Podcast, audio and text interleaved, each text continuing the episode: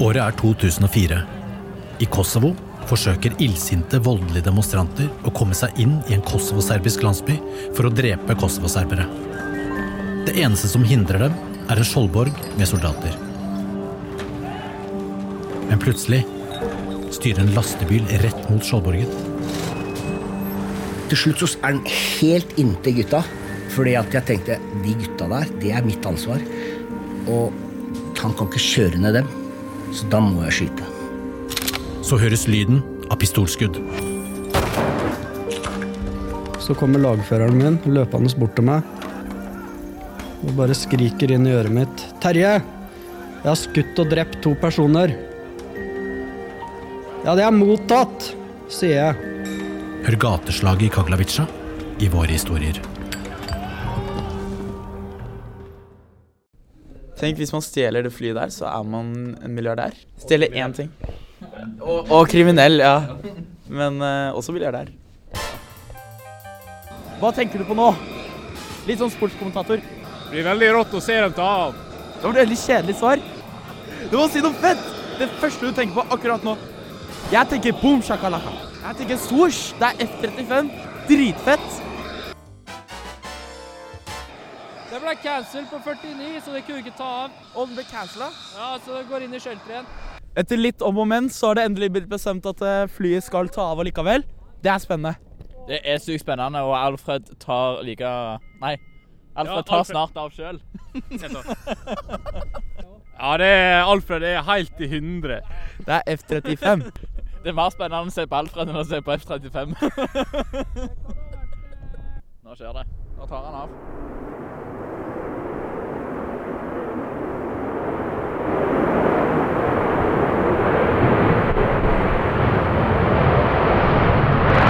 Hei, jeg heter Alfred.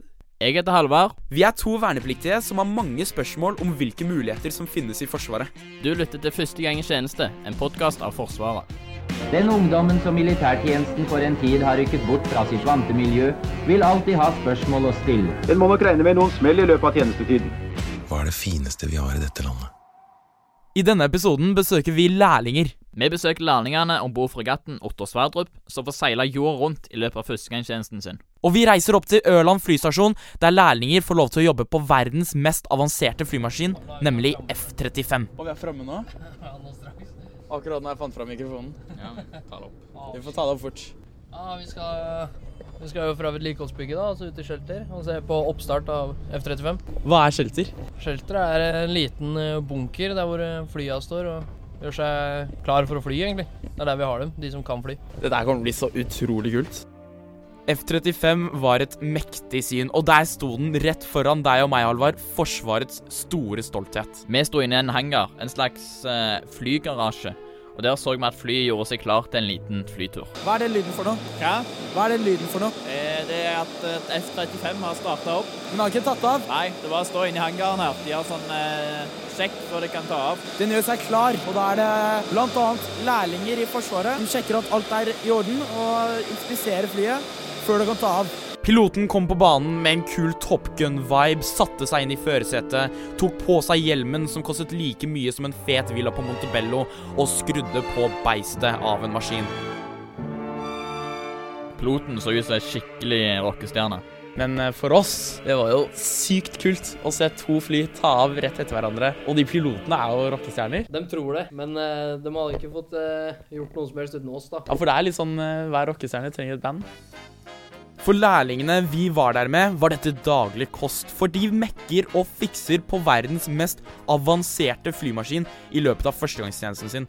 Og de er på vår alder, Halvard. Ja, og det er ganske kult å få kombinert læretida med førstegangstjenesten. Det er jo ganske spesielt. Og så er det ganske mye kulere å mekke på F-35 enn et Widerøe-fly som skal til Bodø. Ja, altså, Som for min del, da, siden jeg er lærling, så jobber jeg jo sammen med crewchiefen. Og han eh, pleier å se over mitt arbeid etter jeg har gjort en jobb, da. Og hvis han er fornøyd og jeg er fornøyd, så dokumenterer vi da at eh, flyet er good to go. Og så da får jo noen sjefer der inne da beskjed om at uh, flyet er klart, og da sender de ut pilot da når det er stepp også. Så han er på en måte en sånn, uh, hva skal man si, mentor for dere lærlingene? Uh, ja, på en måte. Så han har jo ikke egen lærling selv, da. Men han fungerer jo som en hvis vi ikke har noen andre å være med, og så bare jobber vi med han. Men selv om det ikke er lærling, det kan være hvem som helst andre, så må han fortsatt se over, da. For å se at flyet er klart da, til å ta av. Men eh, ja, for dere, når dere eh, skal jobbe på F-35 før de starter opp, eller mens de starter opp, hva gjør dere da? Hva er rutinene da? Hva er deres oppgave? Vi kan egentlig ikke si så veldig mye på det. Eh, sånn teknisk sett, da, for oss som er teknikere, og hva vi sjekker over på flyet, og hva vi gjør og sånn når flyet starter opp og det gjør seg klar for flyvning, det kan vi ikke si så veldig mye om. Men dere gjør mye? Ja, det var mer på F-16 enn det det er her. Flyet får til veldig mye på egen hånd, for å si det mildt, da. Så det krever ikke så mye for oss, men ja, det er enkelte ting som må gjøres. Du har jo en jobb som mange bare kan drømme om. Du jobber jo med F-35, kanskje verdens mest avanserte flymaskin. Kanskje verdens mest avanserte maskin.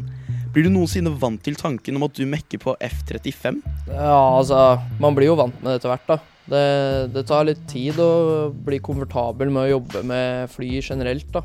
Kanskje F-35 spesielt. Men eh, jeg begynner jo å merke nå at eh, jeg har mindre noia for å skru på flyet nå da, enn det jeg hadde helt i starten. Men eh, det, det kommer seg etter hvert, ja. Ja, for det må være ganske skummelt å komme inn i tjeneste og vite at du skal mekke på noe som koster millioner og millioner av kroner. Ja, ja, man kan jo trygt si det. At det, er, litt, det er litt skummelt i starten. Og man, man føler at man egentlig ikke har litt lyst til å ta på flyet engang, bare fordi man har ikke lyst til å ødelegge noe. Men eh, etter hvert som man skrur, så blir man egentlig vant med tanken på at det, det må jo gjøres. Og hvis ikke jeg gjør det, så gjør noen andre det, og da lærer jeg jo ingenting. Det flyet der er så babe. Veldig babe. Veldig. Å, den er sterk, olle.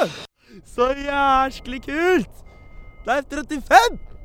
Nå så Alfred akkurat et F-35 fly forbi. Det var dritkult. Nå må vi ta en liten debrief her, gutta. Så sinnssykt fett. Hvordan var førsteinntrykket ditt, Alfred, når du fikk komme så uh, tett og nære på F-35? Nei, det var fader meg kult, ass. Man bare så den maskinen der. Da du starta opp også, den bassen man følte, sjukere enn noe russebuss, Altså. En sånn dyp, rumlende bass man bare kjente i hele kroppen. Og så kom han piloten, så ut som en sånn rockestjerne. Sånn der, det var skikkelig sånn Top Gun-vibe, hvis du skjønner mener. Det så jo faen meg ut som en rockestjerne som bare kom med sånn der jævlig kul opp. Og bare sånn der med solbriller på, den der klassiske pilotdrakten. Og så setter han seg i maskinen, tar på seg den fete hjelmen til sånn fire mil, low-key et hus, og bare gjør alt klart. Og det er bare sånn flapper og ser ut som Star Wars. Det var dritkult. Hva tenkte du? Nei, jeg er helt enig, Alfred. Det ser ganske fett ut. Har du noensinne vurdert å låne nøklene til dette beistet og ta deg en liten kveldstur uten at noen oppdager det? Eh, altså, det hadde jo vært eh, ganske tøft å få prøvd å fly en eh, F-35, selvfølgelig. Men eh, jeg har jo ikke i nærheten av kompetansen for å kontrollere en sånn eh, maskin som det der. Så jeg tror, eh, tror det bare hadde vært eh, farlig for meg, egentlig. Så nei, jeg har ikke, jeg har ikke vurdert det. F-35 koster jo svimlende summer. Det er snakk om hundrevis av millioner av kroner. Blir du litt nervøs av å tenke på det? Det er jo et ufattelig stort ansvar å skulle sørge for at flyet du mekker på, skal fungere slik at det ikke styrter. ja, man føler jo alltid et stort ansvar. Og det største ansvaret ligger jo egentlig at eh, pilotens liv er jo i dine hender, egentlig.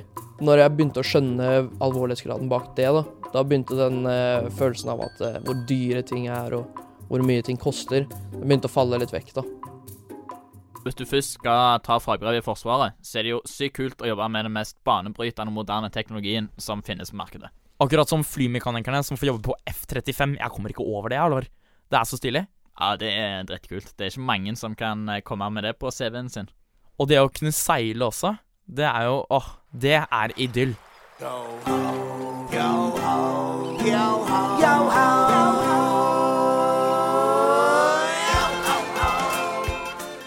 Anders Fjelstad er en journalist i Forsvarets mediesenter, og han var om bord fregatten Otto Sverdrup for å intervjue lærlinger om deres tjeneste. Jeg heter Sofie Kristine Johnsen. Jeg er motormannslærling på KNM Otto Sverdrup. Hva gjør du da? Da er jeg i maskin, der vi gjør eh, rutine, vedlikehold, og så løser vi situasjoner som vi ikke har forutsett fra før av, f.eks. Hvordan ser en vanlig arbeidsdag ut for deg? Nei, altså en vanlig arbeidsdag for meg, da jobber jeg Når vi er ute i sjøen, så jobber jeg fra åtte om morgenen til åtte om kvelden. da. For jeg er noe som heter dagmann. Jeg går ikke vakter. Da står jeg opp, og så eh, går jeg ned i maskinkontroll. Der får vi utlevert oppgaver som kan være rutine eller bare vanlig vedlikehold. Og så jobber vi med det fram til lunsj, og etter lunsj så kan vi f.eks. ha øvelser eller eh, subteam, som vi kaller det, som er trening for havarisituasjoner eller krig, da. Hvordan er det å ha læretida si på sjøen? Nei, jeg er jo veldig glad i å være på havet, så det har aldri vært et problem for meg. Men det er jo mange som kan slite litt med sjøsyke og forskjellig. Men det er bare å bite tennene sammen. Det går over etter hvert. Hva vil du si til andre som vurderer å gjøre det samme som deg? Bare kjør på. ikke sant? Du får oppleve masse forskjellige ting, og du får venner for livet over hele Norge, og det er kjempegreier, egentlig. Men nå, Alfred, nå sitter det en eh, unge 17-åring ute Ikke en gammel 17-åring, altså? Nei, ikke en gammel en. Men han sitter nå eh, der hjemme på eh, kjøkkenbord PC-en og lurer på OK, hvorfor, eh, hvorfor skal jeg velge Forsvaret som min eh, lærebedrift? Hva heter han eller hun? Tom. Tom, nå skal du få høre. For det første så er Forsvaret Norges største lærlingbedrift. For det andre så får du uendelige muligheter i Forsvaret, både for videre karriere i Forsvaret og i det sivile. For det tredje så får du opplevelser for livet. Tro meg, vi har fått noen, vi òg. Du kommer til å få en ledererfaring som er helt unik, og som kan benyttes overalt. Både hjemme, i arbeidslivet, overalt. Det er drittært. Og så, til slutt, nummer fem, så ser det sykt bra ut på CV-en. Så Tom, bli lærling i Forsvaret. Ta fagbrevet her. Du kommer ikke til å angre. Så Halvard, hva er konklusjonen? Konklusjonen må jo være at eh, å ta læretida i Forsvaret, det er vanvittig kult. Hvis du vil lære mer om hvordan du kan bli lærling i Forsvaret, kan du gå til forsvaret.no slash Lærling. Lærling, er det det? Slash lærling.